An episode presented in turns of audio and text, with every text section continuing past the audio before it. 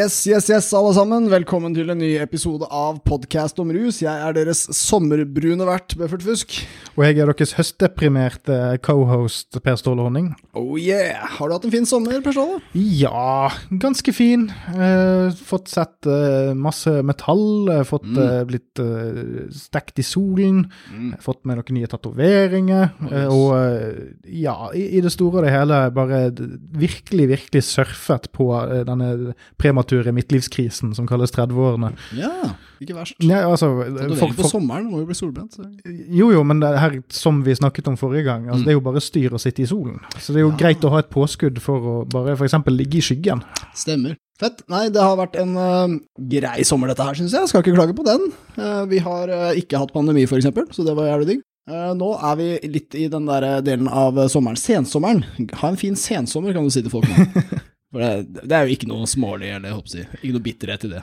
Ha, ha en fin eh, prematur høst. Ja, ikke sant? Det, Nå har jeg brukt prematur to ganger på to minutter, så nå føler jeg jeg må ta litt avstand til det ordet. kan ikke si det resten av sendinga. Nei.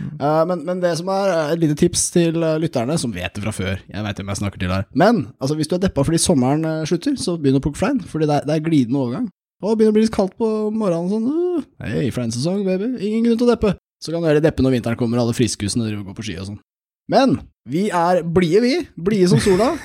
Uh, vi har uh, litt sommer igjen, føler jeg, og eh, vi har fortsatt Altså, sommeren er en viss agurksesong, men det er ingenting som egentlig kunne forberede oss på den første saken vi skal snakke om i dag. Dette blir forresten en litt sånn aktuell aktualitetsepisode, Mm. som vi gjerne driver med de siste årene. Det blir ikke noe sånn rent tema her i dag, men uh, sommer, eh, ungdom og eh, samfunn. Ja, og så kan vi vel, vi kan vel kalle det noe sånt som altså Det er jo agurksesong, men eh, med tanke på første tema her, og ett av de språkene man snakker i det landet, så kan vi kanskje kalle det for en uh, gurka. Gurka-sesone. Episode. Episode. Yes, vi snakker selvfølgelig om eh, den finske statsminister Sanna Marin og den eh, frustrerende livsgleden som hun har utvist. Er hun oppkalt etter San Marino? Det, mm, nei, det, der har du en politisk konspirasjon du kan bygge opp. Men med tanke på denne saken her, så eh, kan jeg jo med en gang konkludere med at Finland sendte oss feil Sanna. Gjerne sa rommet tilbake og få hun her i bytte. som- Et Sanna-bytte. Ja. Gå for den. det, det må være veldig mange Sanner der borte. ja, altså kanskje vi må ta kontakt med Sandfinnen eller noe sånt. Kanskje det er de som sitter på dem. Ah, ja, nei, det, vi, vi skal rett og slett snakke om eh, denne saken som, uh, som ingen burde snakke om, egentlig. Men, men nå har det blitt uh, snakka så mye, så nå må vi snakke om snakket. Nå er det full meta her. Nå er det, nå er vi, det, har blitt, blitt så mye debatt om debatten at vi er nødt til å snakke om debatten om debatten om debatten. Dette er tiden vi lever i. Eh, Ja. vi, kan ikke ignorere all, vi kan ignorere selve debatten, men snakket om debatten må tas. Det er liksom Snakk om debatten blir formet om til en elefant som sitter i rommet, og da må vi påpeke det. Ja. Så her kommer en time om hvorfor vi ikke burde snakke om dette. Yes. Uh, vi snakker her om en ganske imponerende politisk skikkelse. Uh, Sanna Marin var verdens yngste statsminister da hun inntok rollen som 34-åring i 2019. Uh, hun er verdens tredje yngste statsleder etter Dritan Abosovic eh, fra Montenegro og Gabriel Boric fra Chile. Dritan eh, Abatsovic høres ut som eh, et sånt kallenavn som eh, Mimre Kristiansson kan gi sin eh, serbiske kompis. Kom da! Dridan. på Dridan! Han er, han er én måned yngre enn hun, mens eh, Gabriel Boric han er faktisk født på andre sida av året, i 1986, og er president i Chile. Så wow. Heftig ung han, ass. Eh, men ja, vi har altså en eh, ganske så rar sak her. Vi kan si mye om den. For de som ikke kjenner den, eh, som er så heldige og har ikke lest aviser i sommer. Ja, for eh, dette er jo ganske mainstream nå. Altså, det er jo ikke sånn at dette er en sånn undergrunnssak vi har gravd opp fra undersiden av internett. Det er jo Nei. på alle forsider nå. Den ble jo absolutt mye større enn den burde vært. Det er jo en sak om en fest eh, som ble avholdt med statsministeren og hennes venner.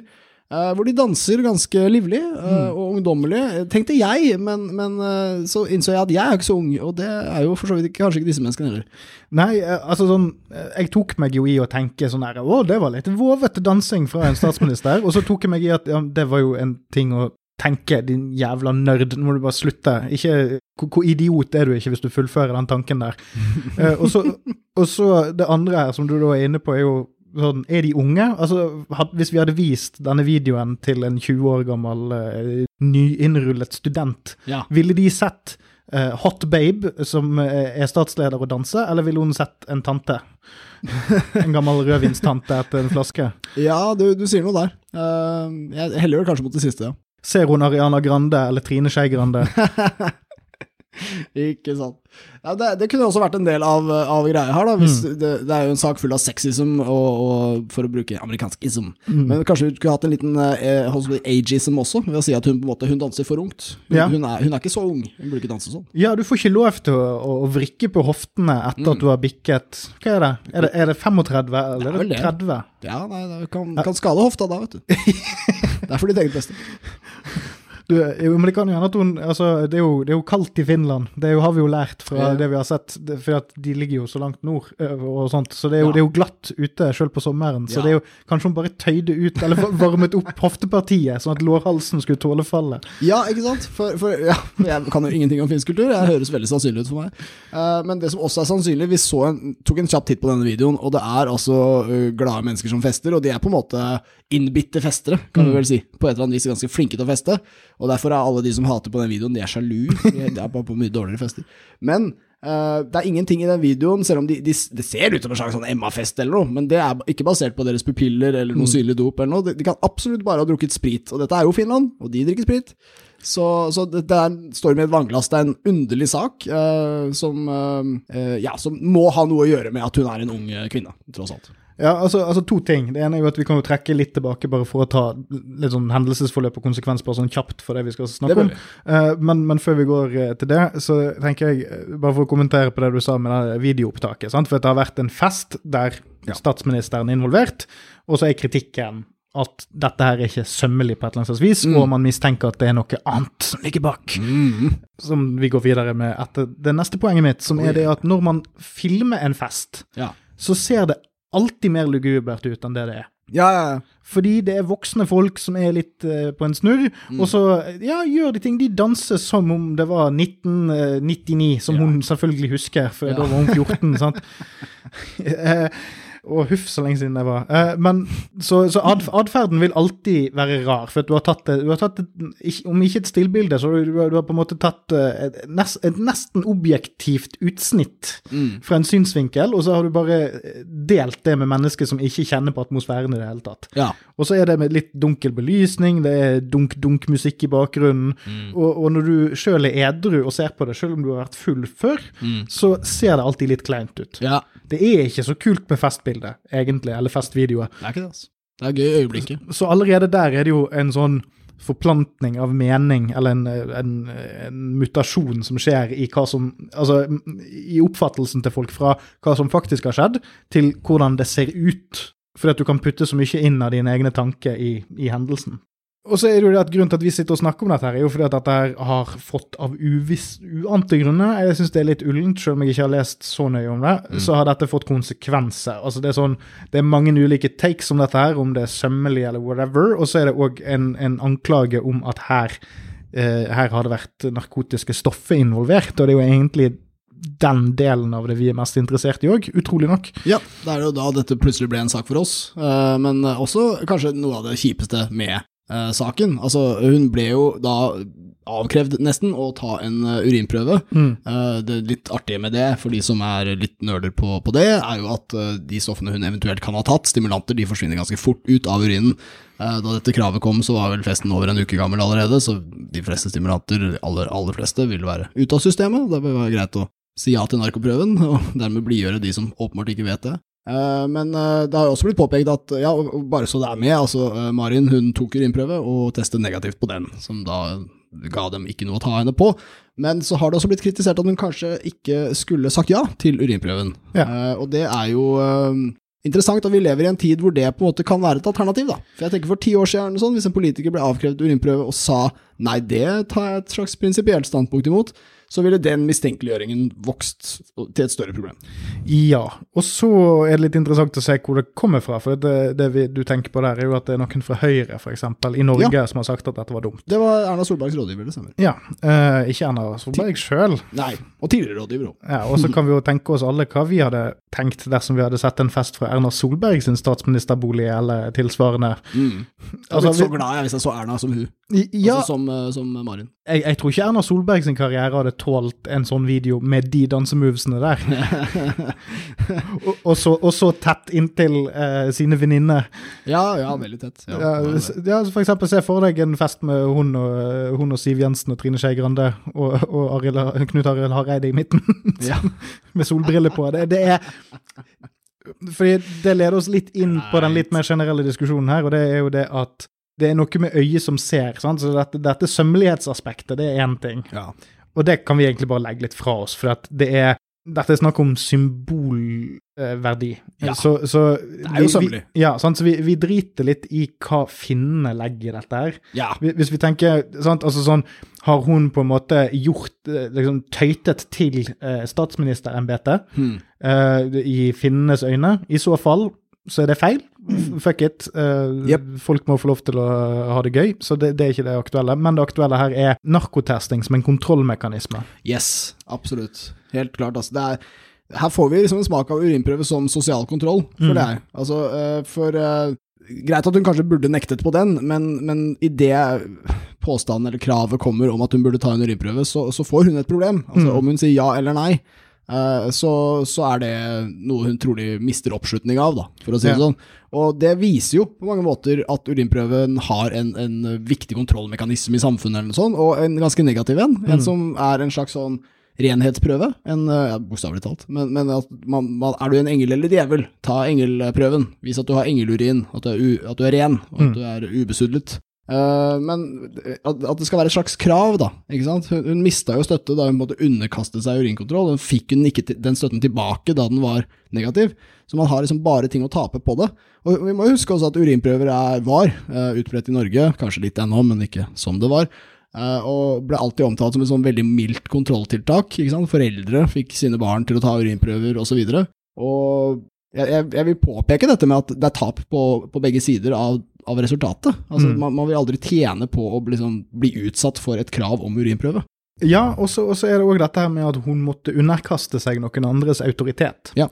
Det, det er et statusfall Mm. nesten uansett uh, hva det egentlig saken er. Det er det at nå har på en måte den finske statsministeren blitt nødt til å på en måte bevise sin uskyld. Ja. Det er en slags, det er en slags moderne uh, jomfrutest. Ja.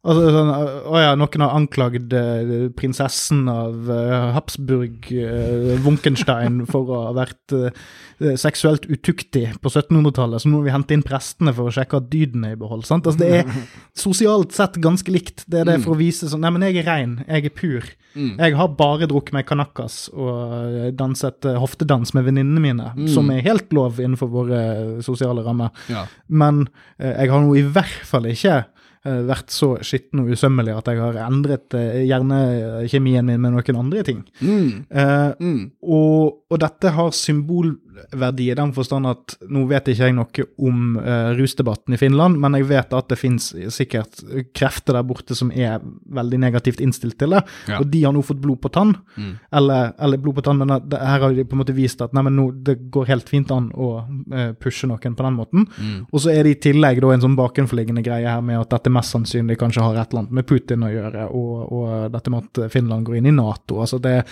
eh, Kilden til dette her, nå skal ikke vi snakke så mye om det, men eh, det er ting som tyder på at eh, dette her har, som sak først og fremst har blitt hauset opp for, fordi at det er noe å ta henne på. Mm. Ja.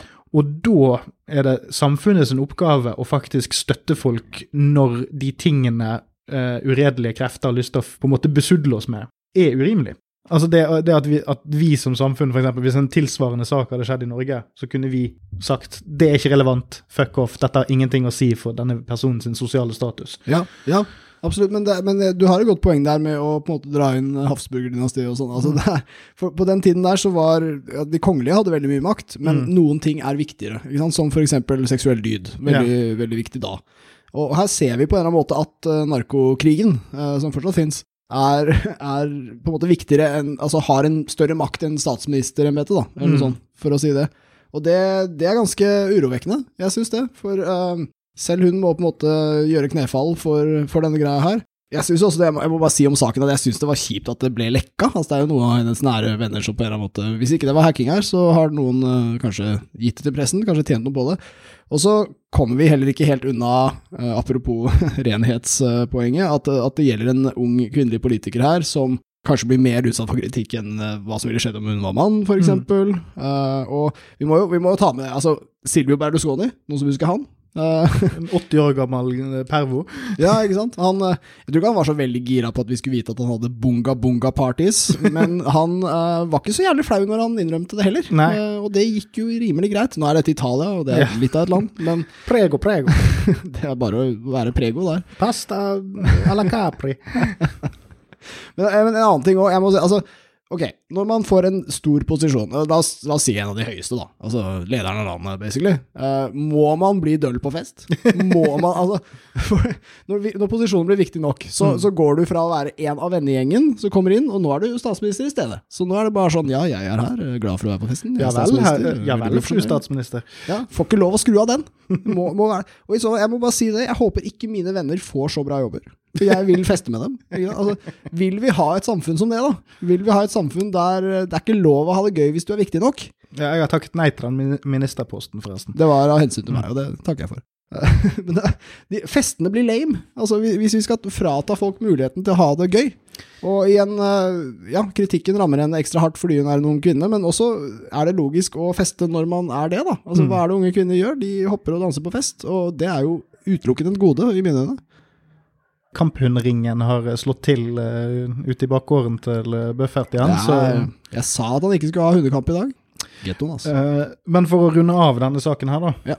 Uh, så tenker jeg eh, mitt, mitt siste poeng ville vært at det er Et argument her er jo at vi, vi prøver å holde eh, statsrådet og ministre og sånt til litt høyere standarder enn resten av samfunnet, nettopp fordi at de er med på å utvikle lovverk. Og, Ja, sant? si. så, så for å være helt ærlig, hvis hun hadde blitt tatt for besittelse, eller at man faktisk hadde konkret Mm. og håndfast bevis, så vet du hva, da, da skal jeg, selv fra mitt liberale norske standpunkt, sagt Mm. ok, for da handler det egentlig mer om eh, prinsippene i den personen sin utøvelse. Sant? Altså Den personen Ja. kan være for dette her, men, men det er noe med å bryte loven. Da burde du heller jobbe for å endre loven, når du er i posisjon, i hvert fall. Mm. Eh, ba, bare som et sånn etisk prinsipp. Det er ikke noe med faktisk hva det handler om. Det, det er hvilken som helst sak. Mm. Nesten, nesten, vil jeg si. Ja. Sånn, alt med forbehold. Sant? Eh, men det at hun, at hun ikke kunne si 'dette er piss'. Dette, 'dette kan du, dere ikke kreve av meg', dette er urimelig. Mm. Mm. Altså det sånn, Har dere ikke sett en, en festvideo før, jævla tullinger? sant? Det, det at hun ikke kunne gjøre det, sier noe med makten i denne anklagen, Ja. og hvor eh, sosialt besudlende den er. Ja, absolutt, ass. Du kommer ikke urørt ut av et uh, slikt krav uh, med en gang noen bare syns du så litt rusa ut, selv om det er statsministeren. Dette Mm. er jo random check på gata. Men jeg må også si, det er litt sånn ekstra pinlig at dette skjer i Norden. Altså, sånn, vi, vi scorer så høyt på likestilling i verdenssammenheng, og, og, og den saken her er jo planta, den er jo konstruert. Det er akkurat som det er et slags sånn politisk spill i Finland, da, som opposisjonen kanskje benyttet seg av, men så hiver alle seg på. Og apropos det vi snakka om tidligere, om at når vi snakker om denne saken, så snakker vi Vil vi egentlig ikke snakke om saken, men vi må snakke om snakket. Det er også det media gjør i den saken her. For de ville jo kanskje egentlig ikke skrive om det, kanskje det egentlig er mer en sånn finsk ting. Men så blir det så mye oppstyr, og så ja, men nå må vi jo snakke om det. Nå har en eller annen fyr sagt et eller annet, så da kan vi snakke om at han sa det. Ja, og da, da biter vi alle på. Uh, og i likestilt i Norden, liksom, så skulle det her bli en sak. Stusslig, ass. Ja, altså det, det er sånn eh, Medielandskapet generelt har jo bare blitt en eneste stor metastudie. Ja. Så, eh, og vi er jo en del av dette, eh, denne faunaen, vi òg. Ja. Så det er, jo, det er jo ikke sånn at vi heller er, er uskyldige. For at, altså, det er jo sånn, Spesielt podkast og sånt er jo nesten en liten sånn parasittvekst på resten av medielandskapet. Vi driver det er sånn, Folk som har sånne fotballpodkaster sånn der de snakker om fotball.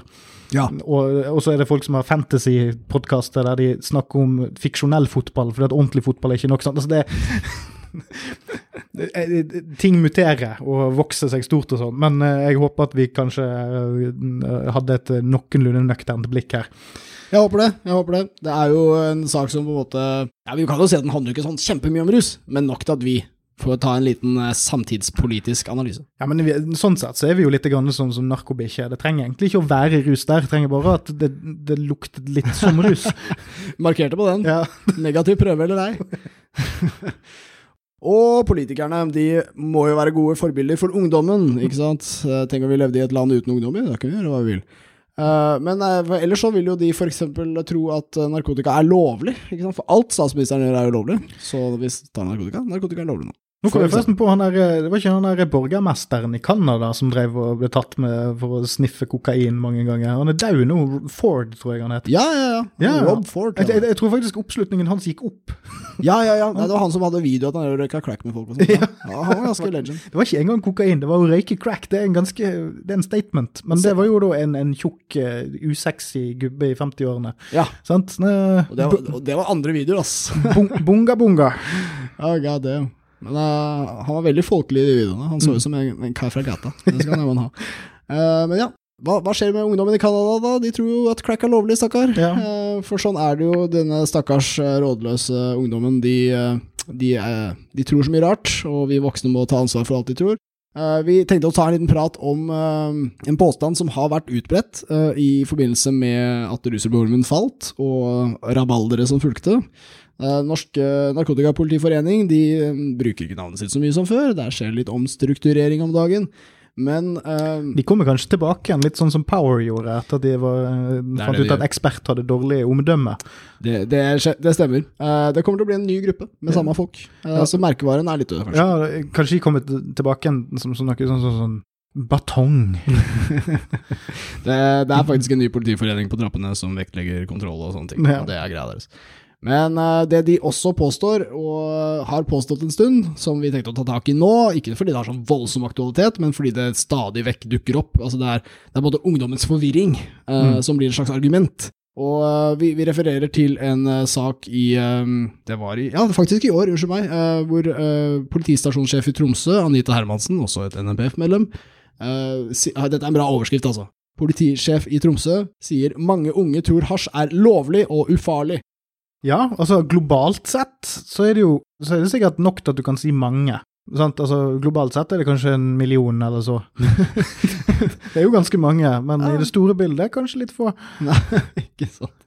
Det er også interessant at i ingressen så går hun rett over på å si at politiet i Tromsø er bekymret over at tenåringer rekrutteres inn i organiserte kriminelle nettverk, og der har jo jeg et veldig bra forslag. Du kunne f.eks. laget et nettverk som ikke var kriminelt, og så latt dem jobbe der. Eh, Ja, Men- Skulle vi hatt det i et lovlig hasjmarked, skulle vi hatt løpegutter på 14 der òg. Som sånn avisgutter fra Ungdommen må 50-tallet. jobbe. Sett dem i jobb. Extra, extra! Ja, Smoke all about it! Avispapir før, rullepapir nå. Same. Kommer lille Gjølle på eh, 13 og et halvt med, med, med rullepapir til deg. På, Akkurat når du trenger det. Og han kan alt om rullepapir. Han har gjort dette i månedsvis. Da kan han også, han kan òg eh, ha sånn eh, sidegeskjeft med å sette ut sånne, sånne eh, flasker med melk.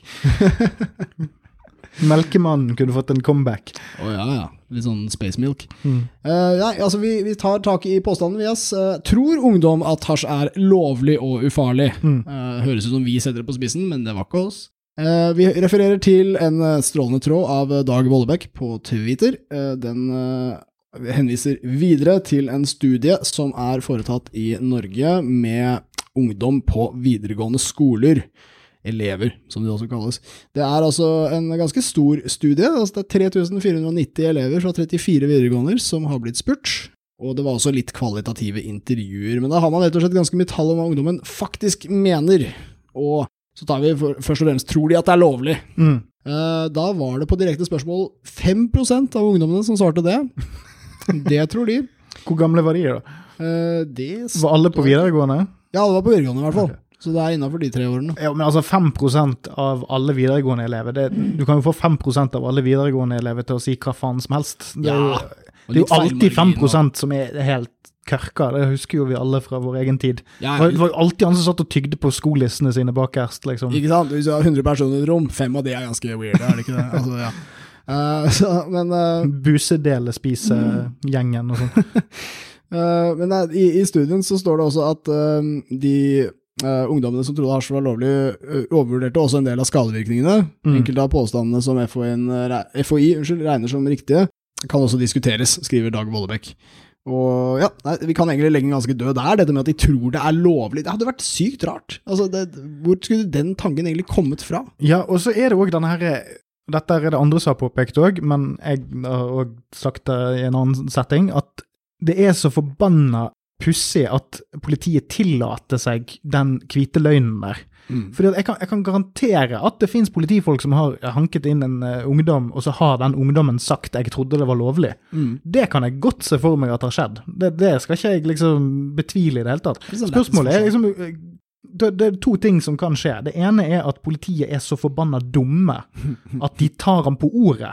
Selv om de i alle andre settinger når dette her diskuteres, driver og snakker om at de vet virkelig hva som skjer, og de, og de skjønner alt, og, og de prøver alltid å lure og skamme, bla, bla, bla. Så enten er de fucka naive og dårlige i jobben sin, eller så bruker de den lille erfaringen til å kunne ha det i bakhodet når de da blåser opp noe som er helt feil. Yes, det er akkurat det jeg ser for meg her. Jeg ser for meg at politiet igjen, la oss si 100 stykker da, politiet tar 100 ungdommer, av de så sier de masse forskjellige, ytrer noen politiske meninger Mm. et eller annet når de blir tatt. Eh, Så tenker jeg vi, man biter seg litt ekstra merke i den som sa man trodde var lovlig, for Ja, det kan vi bruke, ikke sant? Interessant nok, altså det var 5% av ungdommen som ble spurt som trodde hasj var lovlig, men bare 4 mindre trodde politiet ville la dem gå hvis de ble tatt for bruk eller besittelse. Så jeg lurer på hva som skjedde med siste prosenten der, er veldig, veldig usikker. Ja. Men det er jo ikke nødvendigvis de samme folkene heller. Eller var det av de? Nei, det, det er ikke noe Det var ikke 4 av de 5 prosentene. Nei, eh, vi kan anta at det er stort overlapp, men eh, jeg lurer på hva som skjedde med den ene prosenten. Ja, det er vel de som tror at eh, de hadde fått premie eller noe sånt. Eh, studien hadde Altså, det var uh, en um, spørreundersøkelse, rett og slett, som ble gjennomført, men det hadde også kvalitative intervjuer med et mindre gruppe deltakere. Uh, som sagt var det 3490 totalt, men av de som hadde kvalitative intervjuer med, var det 32 elever. Mm. Dette er ingenting om hvordan de er selektert. Men da de ble intervjuet, fremhever også Vollebekk, så kom det fram at flere av ungdommene trodde barnevernet ville ta over omsorgen for dem hvis de ble tatt for små mengder cannabis. Yep. Her snakker vi om forståelser som ikke akkurat vitner om at de tror det er ufarlig eller ulovlig. Nei, lovlig, for faen. Eh, så det viser jo rett og slett at, eh, at ungdommene er redd for politiet. De er jo vettskremt. Eh, hvis du blir tatt, så får du nye foreldre. Liksom. Altså, det, du, blir, du går rett inn i systemet. Og, og ikke bare hvilke, hvilket som er sett med foreldre, jeg får barnevernsforeldre. Ja, ja. Mm. er som ba Barnevernet er ganske kjipe, og de finner de kjipeste foreldrene. Ja. Men det, er- det er ikke ulogisk å tenke sånn, selv om det er beklager til alle barnevernsforeldre der ute, på en måte. Men, men det, det er jo Du blir tatt av noen som kanskje i dine øyne er slemme, og så blir du sendt til de som de slemme syns er snille. Altså. Ja, ja, det var litt jeg mente. ja, nettopp. Ja. ja de, de er jo selektert, de òg. Ja, det, det, er noe, det blir ikke noe røykings på det gutterommet med det første. Nei. Eh, I studien står det også at um, det at en del av ungdommene trodde at konsekvensen av å bli tatt for cannabisbruk ville være vesentlig mer inngripende enn det som ville være tilfellet, kan tenkes å ha flere og vidt ulike følger. I de kvalitative intervjuene fremgikk det at for enkelte virket avskrekkende på bruk, der er det noe feil med språket, Mm. men for andre kan det kanskje bidra til et negativt syn på gjeldende lovgivning, og kanskje også på, på politiet som håndhever forbudet. Jeg må bare påpeke at dette er skrevet av veldig konservative norske rusforskere, og ja, likevel så har de fått med seg det at uh, hva skjer med politiets tillit da, til Mm. ungdommen, uh, og vice versa. Neste gang noen i politiet prøver å si dette høyt, så burde første forbanna oppfølgingsspørsmål være Har du tall på dette? Kan vi få se en sladdet versjon av Mm. Kan vi få en, en vitne, se en vitne, en, eh, et avhør eller dere Ja. har gjort? Mm. Eh, kan vi få se, har dere samlet sammen eh, den informasjonen? Mm. Eller er det bare noe dere, vi skal bare ta dere på ordet for? For det, det, det er faktisk så langt strikken har blitt tøyd her. Ja. Det er det at vi nå må spørre politiet kan vi tro på det du sier, Mm. og hvorfor skal vi tro på det du sier? Hva, Mm. hva er, altså, du må gi oss noe mer enn bare eh, at dette her er noe du i egenskap av din eh, status som eh, voldsutøver sier. Mm. Det, det holder ikke bare med den statusen lenger. Eh, og, og det å, å fortsette å kverne på denne her eh, idiotiske påstanden må, må på et tidspunkt slutte. Altså, vi, det, Mm. det er nok nå. Den funker ikke lenger. Den burde ikke funke. Mm. Nei, jeg, jeg har sagt det før, og jeg er så skuffet over på en måte, argumentasjonen fra den andre siden her. For det er akkurat som vår argumentasjon på et eller annet vis blir liksom mer og mer komplisert. Og da Mm. gjenspeiler det at vi snakker om et komplisert tema. Eh, men, men den, den forenklingen eh, er så innmari stor. Og i rapporten også, så er det, eh, fra, fra oppsummeringen her, så kommer det fremheves det flere punkter som også viser at nå, nå vet vi at ungdom er kompliserte, da. Herregud, som det koker i de skallene deres. Men, men det er veldig komplisert, og, og da er det komplisert på de områdene der de voksne vil ha kontroll. Eh, For eksempel er det ganske mange ungdom som har prøvd eh, cannabis. Det er eh, 20% av alle som blir spurt. Mm. Eh, Det er ikke så mange av de som bruker det så ofte osv., men likevel eh, åpenbart at eh, cannabis er utbredt i ungdomsmiljøene. De har altså også bruksmønstre, sammenhenger med bruken og kilder for anskaffelse som er mye mer variert enn tidligere. Eh, Så de på en måte skaffer det på andre måter eh, og har ulike måter å bruke det på. Alt er komplisert, ikke sant? Rektalt? Hva? Rektalt? Det står det ikke. Nei, eh, for det var jo den store gjengangeren med sprit og sånt. Da jeg var unge, var alltid sånn «Ah, 'Har du puttet en tampong med sprit i hjemmetarmen?' sånn, Altså, eksperimenterer de? Er de ville? Er de gærne? Ja, ikke sant? Typisk norske husforskere å glemme å spørre om det. Eh, Det være Har først på listen. Jeg spurte ikke om det. Først på Honnings eh, rusanalyseliste. Veldig mye om rumpa på den siden. Eh, ja, og så uh, fortsetter med konklusjoner her. For, igjen, jeg prøver å underbygge at uh, det forenklede bildet som selges av enkelte politikrefter, er, eh, må nyanseres. Eh, det står også elevenes kunnskap om cannabis og mulige helsemessige og strafferettslige konsekvenser er begrenset. Det var mange av elevene som oppga at de ikke hadde mottatt informasjon om cannabis. Og i kvalitative intervjuer ble særlig TikTok, Instagram og Snapchat trukket fram når ungdommene fortalte hvor det dukket opp informasjon om cannabis som eh, de ikke aktivt hadde søkt etter. Ja, og da eh, kommer jo politiet inn og sier «Ah, 'narkoreklame, narkoreklame', mens eh, i, ofte, så, som med så mange andre ting Merkelig nok så er det sånn at info om ting som eh, kids eh, bryr seg om, dukker gjerne opp på plattformer som kids bruker. Det er ikke stort verre enn det. Det er ikke det, ass. Og jeg, jeg skjønner altså, sikkert trist for politiet at ungdommen heller vil høre på TikTok enn dem. Eh, da kan jeg anbefale kampsaken 'Forby TikTok'. Eh, Den burde norsk politi hive seg på. Da vil ungdommen bli deres venn igjen. Mm. Helt sikkert. Sånn at de ikke blir en del av Batiktok. Den konker fort. Ja. Så ja, nei, eh, bare for å rappe det opp her, eh, med konklusjoner om utrolig komplisert ungdom vi har i dette flotte landet. Det er også stor variasjon i elevenes risikovurderinger, forventninger og motivasjon for både bruk og ikke-bruk. Uh, jeg blir forvirra bare av å lese det. og så har vi um, at uh, bare en mindre andel av elevene var positive til endret kontrollpolitikk, så der velger forskerne å inkludere det at ja, de vil ikke legalisere, altså. Nei, nei, vi må ikke høre på de. De, det gjenspeiler altså tallene som var her. Det var 29% av ungdommene som ble spurt, som um, syntes at dagens cannabislovgivning burde endres. Det er for så vidt en god formulering eh, forskerne har brukt. Det gjenspeiler for så vidt befolkningens tall, som jevnt over. Vi er på en rundt 30 av, eh, av befolkningen som vil det. Når det var ungdomspartilederdebatt under Arendalsuka nylig, så ble det lagt fram andre tall der eh, sikkert mer politisk engasjert ungdom var spurt, hvem vet. Men Eh, der var det over 40 uh, og så var det motsatt for de voksne, at det var 40 nei. Og Det var om legalisering av cannabis. Ja, og det minner meg jo på om at vi må jo eh, lansere nå at til, neste år så dekker vi eh, Da blir det podkast om rus Arendalsstuka spesial. En uke til NS. Hvor vi låser oss inn i en sokkelleilighet i Arendal. en, En, eh, en sokkel cabin cruiser. vi, kan ha sånn, vi kan bare sette opp en stand, vi. Ja. ikke det? Bare ta med et bord eller noe sånt. Vi kan, vi kan stjele den til KrFU. Ja, de er sikkert ferdige til neste år, de. Mm. Uh, hvis, hvis de følger moderpartiet. Nei, faen, de er sin egen gjeng. Ja. Vi blir ikke kvitt dem. Men nei, eh, så her uh, har vi det. Altså det Utrolig nok blir konklusjonen til denne podkasten nok en gang at politiet forenkler spørsmål om narkotika, og de skyver ungdommen foran seg. Hmm. Og de Dette er mine påstander. De, de, de undervurderer ungdommen, Mm. tenker jeg også.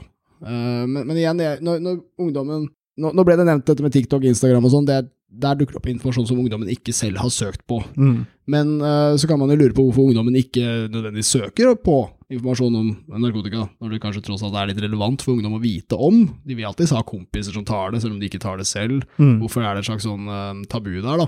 Men jeg tror også det er trist for politiet, og kanskje særlig NNPF, at de, de sier veldig mye om narkotika hele tida. De, Mm. de prøver å snakke høyt. Og de blir fortsatt ikke hørt av Mm. ungdommen, som de er så innmari opptatt av å ha med på sitt lag, sånn at de kan skyve dem foran. Bare for å ha en sånn avsluttende kommentar der, så er det sånn eh, Rollen til både politi og NNPF minner mer og mer og mer om en oppgitt forelder som nekter å gi seg. Mm. Altså, altså du, du har hatt et problembarn i 20 år, han har blitt uh, narkoman, Ja. men du, du slår fremdeles hånden av han, og du, du nekter å det, Her er det tough love. ja. Sant? Du skal ikke gi klem, og du skal ikke du skal ikke noe kos. Nei, nei, han må bare lære. Men så hører han faen ikke etter. Og så kommer disse her jævla Å nei, nei, fuck det her. Ja. Sant? Altså, det, det er akkurat den samme attituden som går igjen her. Det er Mm. denne komplette uviljen fra oss til å, til å se på sin egen rolle oppi det hele. Mm. Og at, og at kanskje en annen tilnærming ville vært mye mer fruktbar for både deg og de du prøver å ta vare på her. Ja. ja, ungdommen kommer alltid til å være mer kaotisk enn oss voksne, eh, men det som er eh, litt sånn pinlig her, er jo at de også fremstår som mer fleksible, at de på en måte vet bedre hva de vil, basert på flere faktorer enn de Mm. voksne. Det er ikke så rart at de voksne heller ikke blir så jævlig hørt på, da. Men eh, ja, nei, jeg tror vi konkluderer ganske greit med at ungdom ikke tror cannabis er verken eh, ufarlig eller lovlig. Og så kjører vi på med mer studier, baby. Vitenskapspodkast etter ferien. Yeah, yeah, yeah, yeah. Eh, fordi vi tenkte å ta litt om statistikk om hvordan det går her i landet med kriminalitetsbekjempingen. Kriminologisk podkast. Mm. men vi kan vinkle det litt òg, fordi jeg tenkte altså det er, Vi hadde en pandemi. Mm. Jeg vet ikke om du husker det? Det er sånn, litt sånn, det, det er litt sånn gas leak year, det der for meg. Gas leak year. Teller ikke. Eh, da var det eh, mange ting som skjedde i samfunnet i form av at det var en veldig ny problemstilling. Mm. Eh, det ble en del sånn normbrudd der. En del eh, etablerte autoriteter fikk eh, utfordret eh, den. Og eh, jeg tenkte at vi kanskje kunne vinkle dette litt som en sånn eh, pandemiens gleder. Eh, pandemiens gleder, i hvert fall for sånn ruspolitisk utvikling. Mm. Fordi eh, vi har jo i ettertid eh, hatt mye greier med at Riksadvokaten har presisert eh, ting som har gjort at politiet tar færre folk. Men så har vi eh, forbruk. Men så har vi også en utvikling hvor dette faktisk har skjedd i ganske mange år. Og eh, så tok det ordentlig av under pandemien, da. Mm. Men da var det jo mange pandemiske årsaker til at eh, ting gikk litt ned på det meste. Eh, vi henviser til en studie for SSB, hvor Skal vi nå se om jeg har noe navn på den studien nå, eller? Sosiale forhold og kriminalitet. Yes. Da henviser jeg til siden hvor det står 'fortsatt nedgang i tyverier og narkotikalovbrudd'. Eh, Dette er publisert 30.6.2022. Box fresh. I løpet av 2021 registrerte politiet og påtalemyndigheten totalt 278 800 lovbrudd. Mm. Det er 7% færre enn året før. Men nedgangen gjelder for de fleste lovbruddsgrupper. Den er likevel klart størst for narkotikalovbrudd, som er redusert med en tredel. Og derfor relevant for oss. Yay! Yay! Det er altså eh, fra 2021 til Nei, unnskyld, fra 2020 til 2021 så var det 22 000 færre lovbrudd som ble anmeldt i Norge. Eh, veldig mye av det er jo knyttet til tendensene som hadde å gjøre med pandemitiltakene. Det er litt vanskelig å stjele biler når du ikke får lov til å gå ut. Ja, det må bare stjele naboens bil. Eh, må ikke gå så langt. Men det var, eh, de har en litt sånn artig liste her, hvor jeg tenkte sånn, ja, det kanskje et av punktene eller to handler om eh, pandemien, og så handler alle om det. Eh, og det er litt morsomt å tenke, gå gjennom, fordi når du sier det, tenkte jeg når jeg leste den lista her, altså, færre anmeldte lovbrudd begått i utlandet, ja, vi var jo ikke der. Større andel av ofrene utsatt for lovbrudd i egen hjemkommune, ja, der var vi. Færre- Ikke vi, da. Det er ikke begynn å etterforske oss for noe. Nei, vi, vi som i folket. Ja. Det kongelige vi. Vi har ikke slått noen. Eh, færre anmeldt, eh, anmeldte tilfeller av tyveri fra person, fordi man mannen møtte ikke så mange. Eh, så var det mindre smugling. Den var kort. Eh, vi fikk ikke lov å eh, reise. Eh, og visse typer vold og ordensforstyrrelser har også minsket i forbindelse med nedstengningen. Ja. vold i hjemmet, si, men Ja. det blir ikke kartlagt. Mindre fylleslagsmål i taxikøen, basically. Det er stort sett der ute vi slåss. Det er ikke så mye hjemme, tror jeg. Jeg pleier å booke det sånn to-tre uker i forveien, jeg. Ja. For å være litt ansvarlig. Eh, ja, vi har altså en stor økning i eh, det som heter annen eller uspesifisert straffelovgivning. Ja, det høres jo veldig ut som sånn spennende juss, men det er basically nye lover som dukker opp, f.eks. når vi får smittevernslover. altså rett og slett eh, ikke vær kjip om de greiene der, da. Kom an. Ikke host folk i trynet, din jævla dick. Nei, det Han skal på cella. Eh, det, det burde være forbudt. Eh, Det var altså veldig stor økning i eh, Øst politidistrikt, som hadde ansvar for både Gardermoen flyplass og de største grenseovergangene fra Sverige, når det kommer til disse lovbruddene som har med å gjøre å være en eh, hva skal jeg si, ja, lite hensynsfull, kanskje smitta person. Men så var det altså rusmiddellovbruddene hvor det var størst nedgang. Da. Og vi har nedgangen i det totale omfanget av anmeldte lovbrudd siden starten av 2000-tallet. Altså Det vitner om at Norge på en måte blir på en måte mindre kriminelt, eller noe sånt. Eh, men de er drevet av en kraftig reduksjon i eiendomstyverier, Mm. for det var masse innbrudd før. Det er i hvert fall sånn jeg tolker det. Eh, Men i Ja, eller sykler som ble stjålet, den Ja, typen ja. ting. All slags Lø, eiendoms... alt løsøre. Løsøre. Nice. Der har vi et uh, et ord som høres riktig ut. Må ikke forveksles med løsnese. Eh, så ja, eh, det er absolutt størst nedgang for rusmiddellovbrudd. eh, og her står det også i rapporten at de i overkant 30 200, høres Mm. mye ut, anmeldelsene, det er faktisk hele 24 færre enn i 2020. Eh, Det har sammenheng med lavt omfang av anmeldte narkotikalovbrudd, så klart. De andre typene rusmiddellovbrudd er også noe redusert, men de er på nivå med 2019. Mm. Så der ser vi at uh, ganske jevnt, da, for Mm. å være pandemisk, tross alt. Politiet finner deg likevel, selv om de sitter inne og ruser deg. Men eh, så hadde vi dette med Riksadvokaten. Eh, fra hans eh, presisering i april, så var det en ganske sterk nedgang i narkotikasaker som ble anmeldt Mm. til og av politiet. Men det ble altså mm, nærmest halvert. Altså i, i årets første, tre første måneder ble det i snitt registrert litt under 1000 brudd på narkotikabestemmelsen i legemiddelloven. Snittet ble nærmest halvert til 500 eh, per Mm. måned resten av året. Men så er det litt stille her, syns jeg. Vi får en veldig brå nedgang i dette her. Men den har egentlig pågått siden 2013. Ja. Eh, før det så var det toppåret 2001, så her ser vi egentlig og det, Nå snakker vi kun om narkotikalovbrudd. Så hvis det her fortsetter, som det kan tyde på altså Jeg vet ikke helt hvordan vi skal få en slags sånn stor oppsving av anmeldelser. Mm. Eh, Det måtte jo vært en politisk utvikling jeg ikke ser for meg, da.